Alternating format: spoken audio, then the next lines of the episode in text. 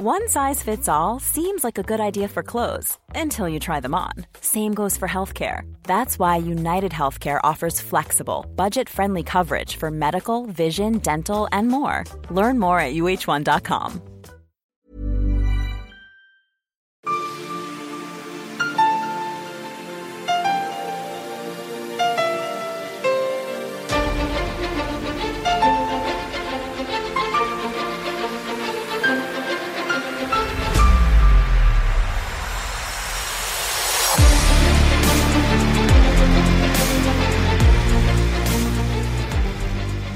lyssnar på Militärsnack, podcasten där militära saker blir lätta att fatta.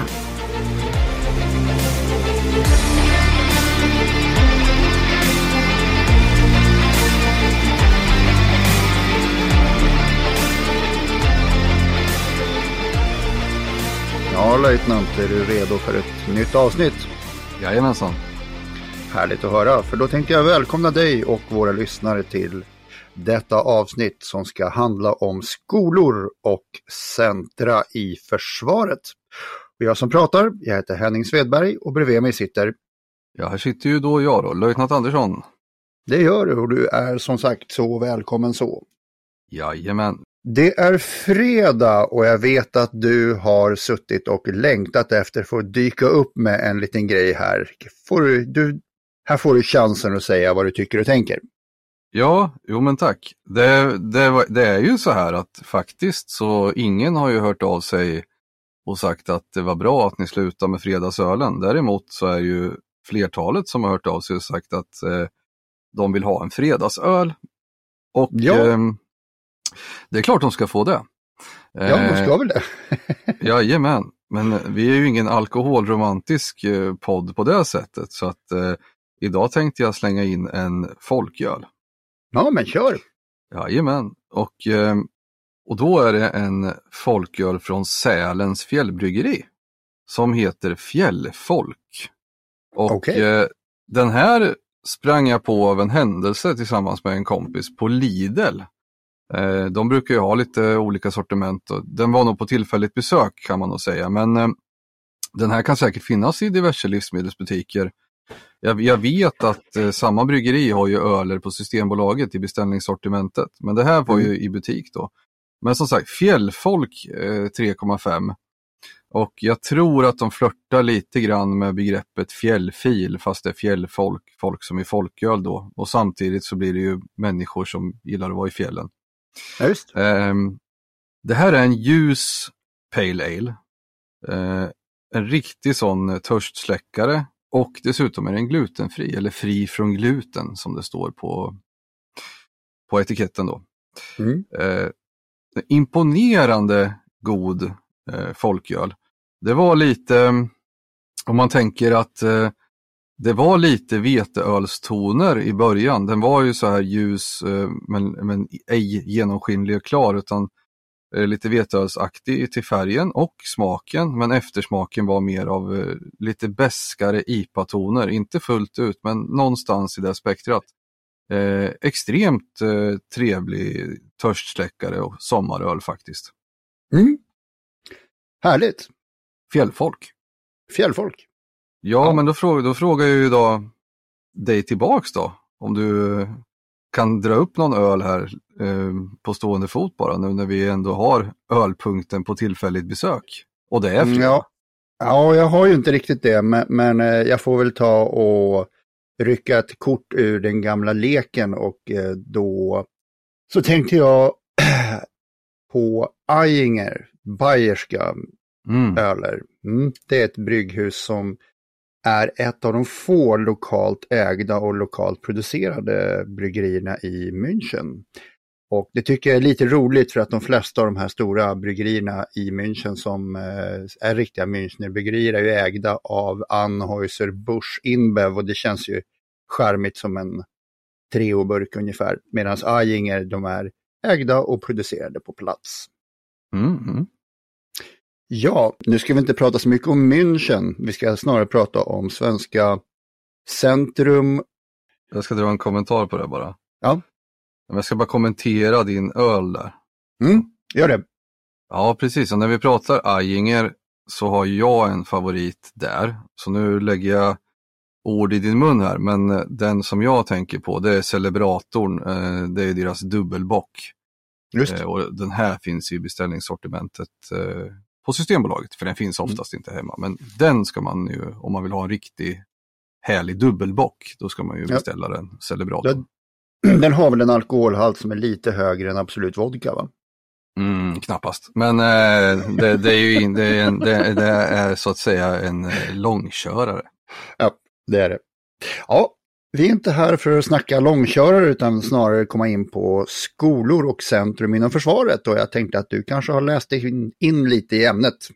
Mm. Jajamensan. Det, det vi ska täcka av, det är för vi ska ju liksom knyta ihop säcken här nu. Vi har ju pratat om försvarsgrenar och vi har pratat eh, armén, vi har pratat marinen och vi har pratat flygvapnet. Men då finns det ju enheter som inte är nämnda.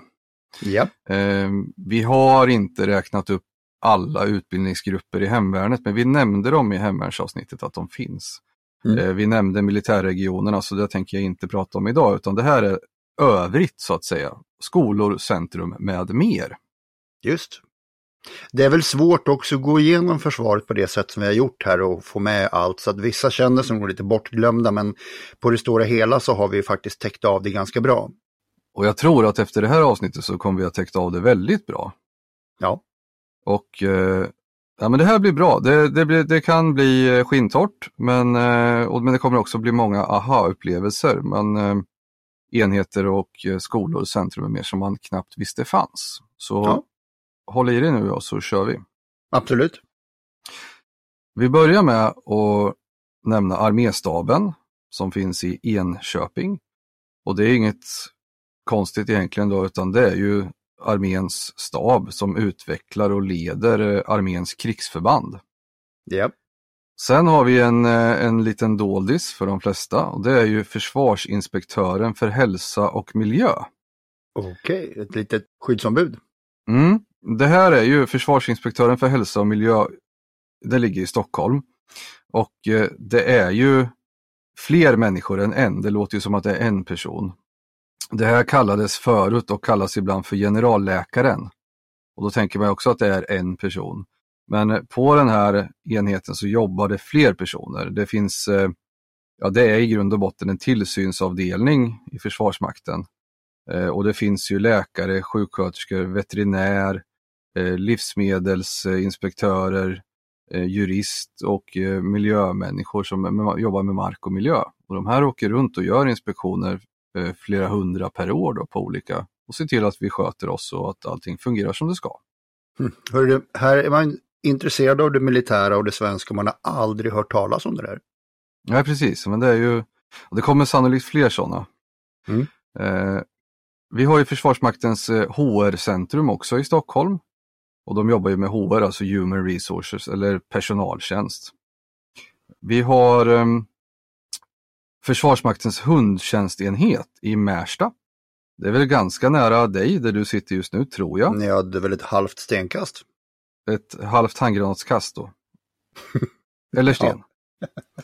Ja, men eh, hundtjänstenheten de föder ju upp och tränar hundar till Försvarsmaktens insatsförband helt enkelt. Ja, Och de driver ju Försvarsmaktens frågor vad gäller hundtjänst. jag tror nog jag ska försöka se till att göra ett studiebesök för podden där. Det tycker jag du ska försöka få till. Sen har vi ju Försvarsmaktens logistik, FM-logg. Och eh, Försvarsmaktens logistik, de finns eh, överallt, över ytan så att säga. Eh, logistiken, de pysslar ju med allt som har med materiell att göra. Så materiellförsörjning och sådana saker och se till att vi att, ehm, att lagerhålla varor eh, och eh, även materiell och det kan ju vara allt ifrån plåster, kängor, uniformer, eh, ammunition, vapen och allting. Alltså det utrustning som vi använder som de, eh, de eh, har på lager och distribuerar och eh, omsätter åt oss. Mm. Det där med logistik tycker jag är så intressant för att den första anblick eh, över militära saker kan man lätt tro att numerär och bra vapen är det viktigaste. Det är det ju förvisso på plats när det händer, men du blir inte särskilt uthållig utan en bra logistik. Exakt. mycket viktigt. Det pratar vi om även i terrängavsnittet. Jajamän. Sen kommer vi till eh, ytterligare nära dig, Uppsala. Där har vi någonting som heter FM Undsäk-C. Och det är ju Försvarsmaktens underrättelse och säkerhetscentrum. De bedriver ju studier och utbildning och försök i eh, underrättelse och säkerhetstjänst. Eh, hur den eh, ska funka då nationellt och internationellt. Ja, och det ligger i Uppsala som sagt och eh, på det gamla flygområdet där. F16. Sen så har vi ju Förmed-C, det är Försvarets medicinska centrum. Det ligger i Göteborg. Och de, det är också ett centrum, precis som Undsäk-C och så vidare. Och de pysslar ju med att utveckla och producera och utbilda det som finns inom försvarsmedicin. Och på civilspråk skulle vi säga sjukvård. Ja. Sen rör vi oss till Halmstad och där har vi FMTS, det är Försvarsmaktens tekniska skolor. Och eh, de pysslar ju också med utbildning och utveckling av eh, Försvarsmaktens teknik och eh, tekniska officerare.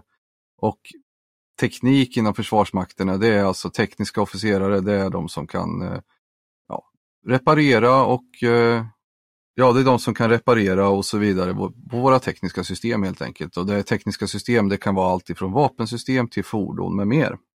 Okej. Okay. Sen har vi ett ganska stort förband som heter FMTIS. Och det är Försvarsmaktens telekommunikation och informationssystemsförband. Och eh, de har som bas i Örebro. Men eh, de finns i hela Sverige och de pysslar ju med kommunikation, alltså satellitkommunikation och och även eh, telesystem eh, på kabel och sånt som de servar och vidmakthåller och utvecklar åt oss.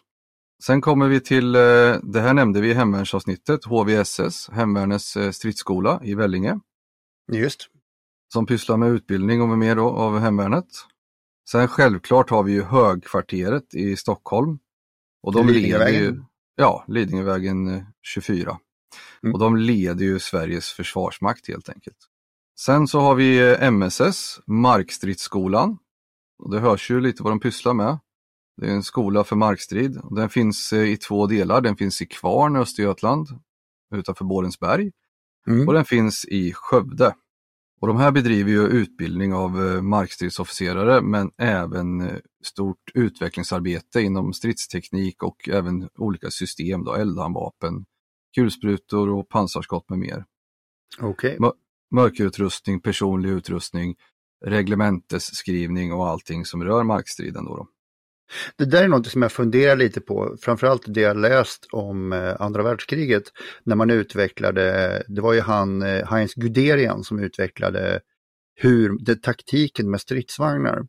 Då mm. måste man alltså prova olika metoder för att göra växelvis framryckning, göra med två eh, olika växlingar eller med tre stycken grupper som gör saker och ting samtidigt. Är det sånt man gör på Markstridsskolan? Ja, bland annat. Man, eh, om vi tar exempel av en personlig utrustning.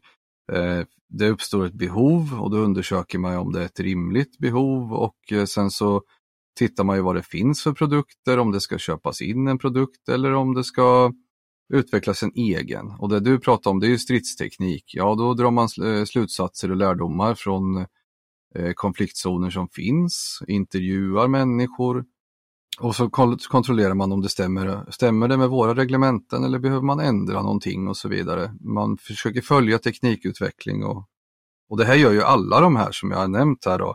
Eh, hundtjänstenheten gör det ju inom hundspåret eh, UNSAC-C inom und och säkerhetsspåret, Förmed-C inom försvarsmedicin, mm. Tekniska skolan inom det och så vidare. Så att de, eh, alla de här gör ju det, de följer ju sina och ansvarar för sina bitar.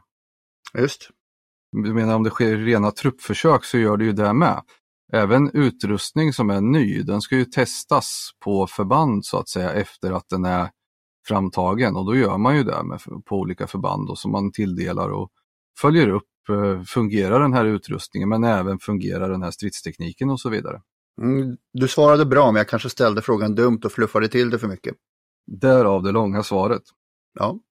Ja, vi fortsätter. Sen så har vi någonting som vi kallar för flyginspektionen. flyg-i. Och det är den militära flyginspektionen och den finns också i Stockholm. Den finns i högkvarteret men den är fristående i den bemärkelse att den lyder under regeringen. Och de inspekterar ju de militära delarna av, av flyg helt enkelt. Då. Ja. ja, vi rör oss vidare då och då har vi två stycken skolor. Ja, och innan flyginspektionen så nämnde jag Markstridsskolan och det finns ju fler eh, skolor som jag återkommer till som bedriver mer utbildning. Utan Markstridsskolan, där hamnar ju en markstridsofficer efter att den har gått försvarsmaktsgemensamma i regel. Då.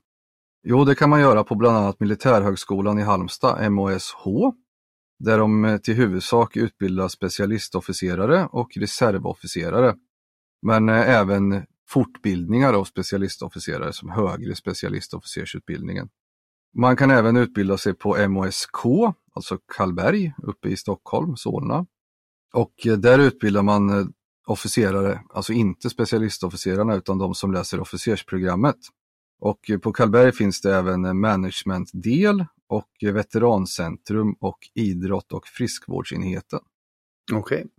Sen har vi SSS, Sjöstridsskolan, som finns i Berga och eh, Karlskrona.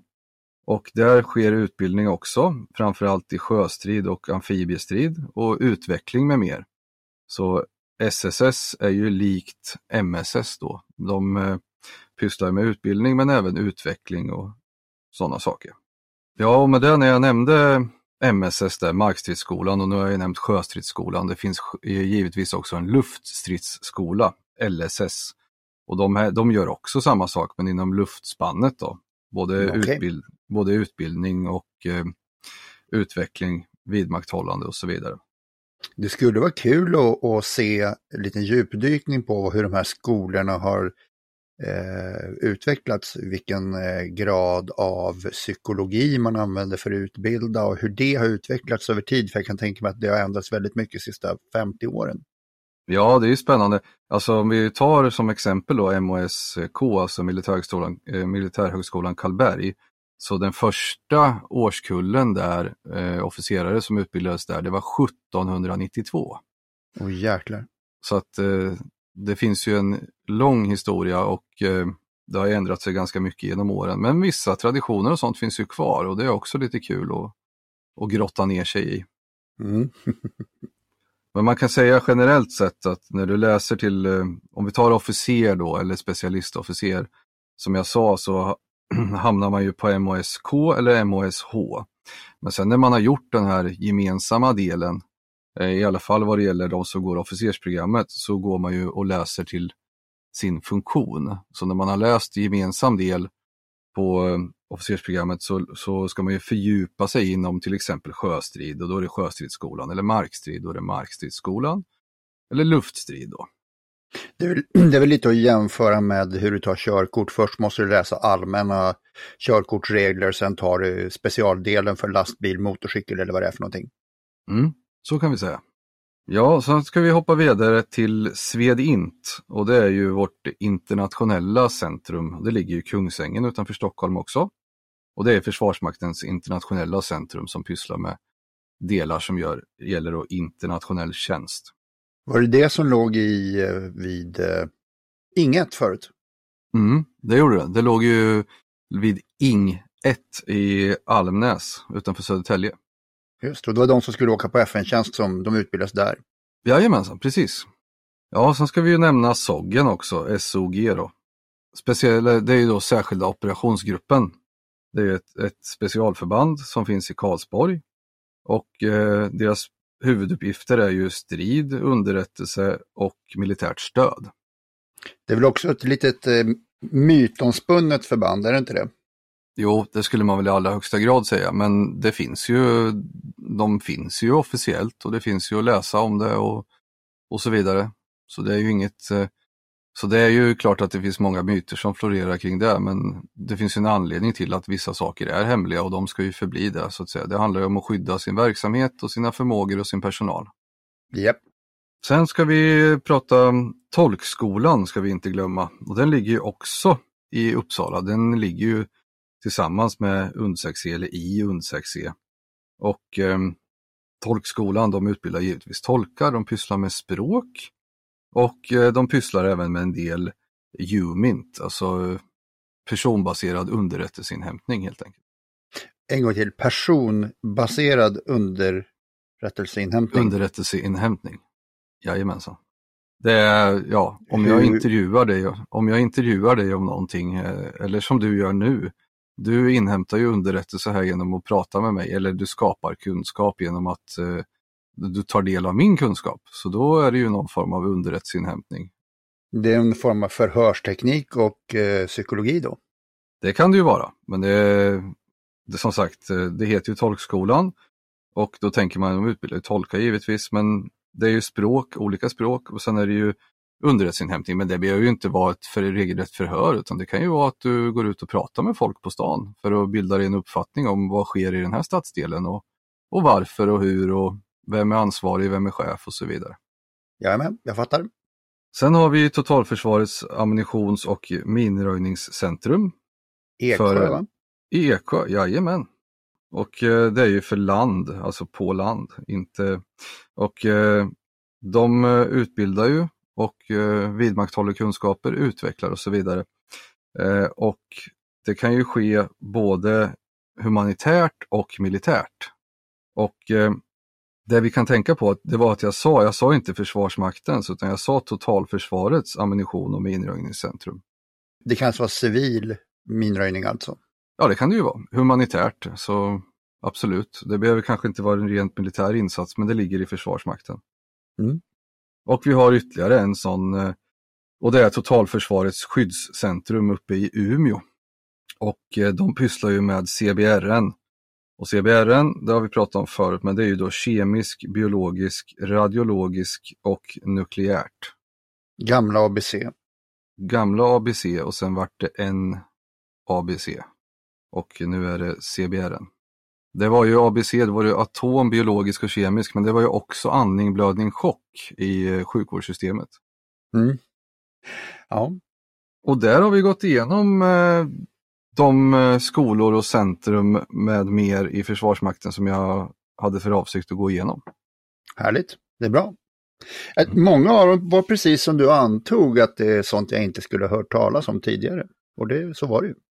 Precis, och det är ju, de är ju lite doldisar. Det jobbar ju inte så många på de här. Jag tror till exempel på eh, generalläkaren där som den kallas, att det är 18 stycken som jobbar där. Så det är ganska liten en li väldigt liten del.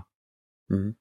Och till exempel Försvarsmaktens eh, hundtjänstenhet har jag ingen aning om hur många som jobbar, men jag tror inte att det är särskilt många.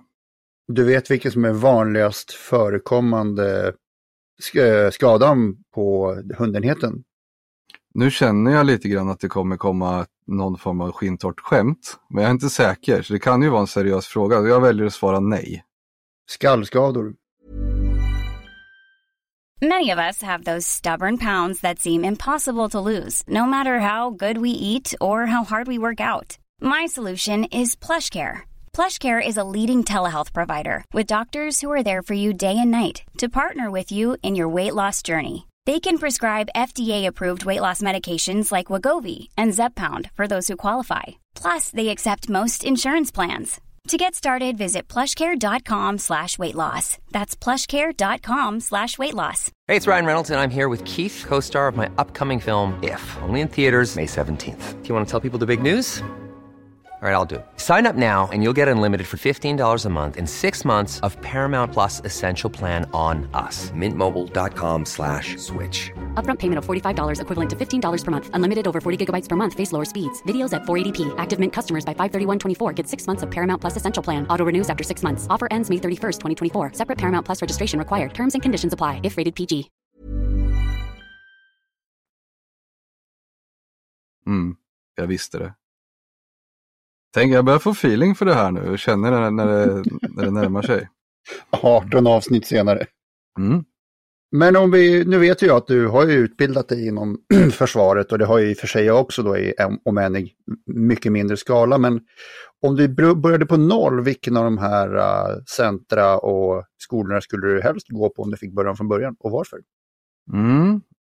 Om jag börjar om på noll vet jag inte riktigt, men jag kan säga att om jag skulle vidareutbilda mig, eller om jag skulle ha vidareutbildat mig inom något område, så ja, men jag skulle nog eh, velat gått lite kurser på UNDSÄK och underrättelse och säkerhetstjänst. Det tycker jag är spännande. Framförallt mm. motståndarkunskap och sånt. Mer, eh, mer sådana kurser skulle jag kunna tänka mig att gå. Och även, även tolkdelen. Jag är inte jätteintresserad av att bli just tolk, men eh, jag har lite av ett språköra och jag skulle kunna tänka mig att fördjupa mig i något språk. Mm. Jag var faktiskt inne på samma sak, språk, men jag skulle nog vilja någonstans lära mig göra goda analyser av omvärlden. Mm, mm. Och då är det nog också, ja, vad det gäller militärt så är nog en väldigt bra plats att vara på. Mm. Motståndarkunskap och sådana saker. Då väljer vi lite nästan samma sak där då. Mm. Men det finns ju jättemycket intressant, absolut. Man skulle kunna åka till FMTS i Halmstad, där Försvarsmaktens tekniska skola och fördjupa sig inom någonting, eh, eh, något speciellt fordon så man kan varenda mutter och skruv på den. Det är ju också jätteroligt. Men eh, mm.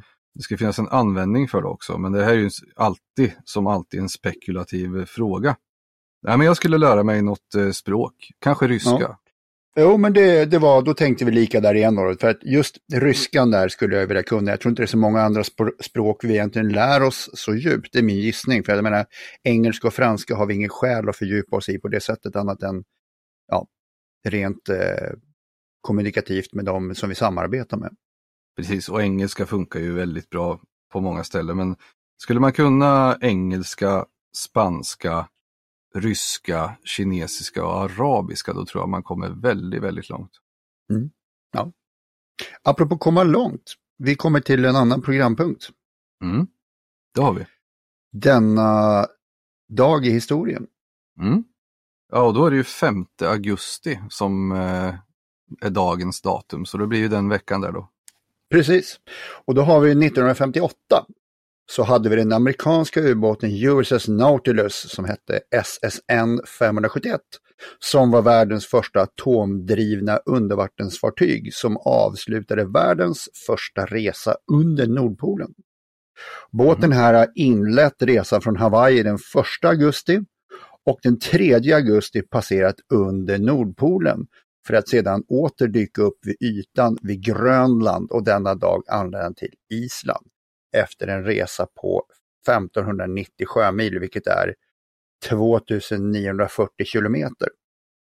Och här är en lustig grej, för min farfar vet jag, han sa så här, de ljuger, det går inte för att Nordpolen den står på stenbotten, så att det, den står på urberget. Så att någon gång kommer de komma fram till att det här inte är sant. Och det, det står väl och, och vänta på att någon kommer avslöja för om de inte redan gjort det. För jag vet inte om Nordpolen står på urberget eller inte.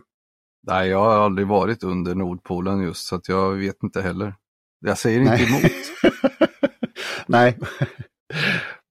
men vilken, eh, vilken resa. Vad tråkigt att de fick nog inte se så mycket i och med att de åkte ubåt. Men eh, från eh, Hawaii och eh, stiga ur med sin bastkjol där på Island sa du va? Mm. Ja, det är två öar som jag gärna vill åka till oavsett som, av olika skäl. Mm. Island har jag varit på, inte Hawaii. Okej, okay. Jag har varit på ingen av dem. Nej, Nej precis, men eh, Island tycker jag du ska åka till. Dit kan du flyga på körkortet också, behöver inte ha pass. Det är ju så vansinnigt långa passköer nu i Sverige eh, av anledning. Men just Island så kan du flyga på ditt eh, vanliga ID-körkortet. Just, just. Och man kanske ska passa på nu och göra någon liten kort resa för att eh, sannolikt så kommer det bli eh, dyrare och den här tiden med att man kunde flyga Ryanair till, ja vad vet jag, halva Europa för 800 spänn, den tiden mm. är nog snart förbi. Dessvärre, sen får vi se vad covid tar vägen också. Precis. Ja, och med det sagt så som vanligt så eh, åk gärna till Island. Nu gör vi reklam för Island, jag vet inte varför egentligen, men gör det. Och eh, sen så kan man hålla sig hemma och pyssla med hemberedskap och fortbilda sig i, i eh, krisberedskap och eh, sådana saker. Lyssna på podd kanske. Ja, framförallt kan man lyssna på en del extra avsnitt, så kallade Bertil och Caesar avsnitt, som man egentligen bara får lyssna på om man är Patreon. Mm. Det tycker jag man ska göra. Ibland, eh, det, det, vet ju lyssnarna nu, att vissa bonusavsnitt kommer ju ut eh, för att de anses vara samhällsnyttiga, de lägger vi ut. Sen kan vi lägga ut lite smakprov och sådana grejer också. Ja. Hur gör man om man vill, om man vill både stötta oss och vår reklamfrihet och vår kreativitet, men även lyssna på de här bonusavsnitten? Hur gör man då? Enklast är att gå in på militarsnack.se och klicka på stöd oss och där finns det instruktioner om vad man kan göra, hur man kan stödja på mm. alla olika sätt. Precis, man, eh, man hamnar ju på en sida som heter Patreon och man registrerar sig där och så kan man använda den som sitt, eh, sin spelare för att lyssna på oss. Ja. I korta ordalag. Och skänka oss en slant, stödja oss och så får man dessutom ta del av allt material vi har publicerat. Precis, kan vi köpa mer folköl också. och jag åka till München. Island var det ju. Okej då. Ja, med det tycker jag att vi har fått ihop ett bra avsnitt om centra och skolor. Ja, centrum, skolor med mer. Jajamän. Ska vi ta och tacka löjtnanten för detta avsnitt? Mm. Och Henning. Ja, och våra lyssnare så säger vi tack och hej till nästa avsnitt. Det gör vi. Tack så mycket. Hej då, hej då. Hej. hej. hej.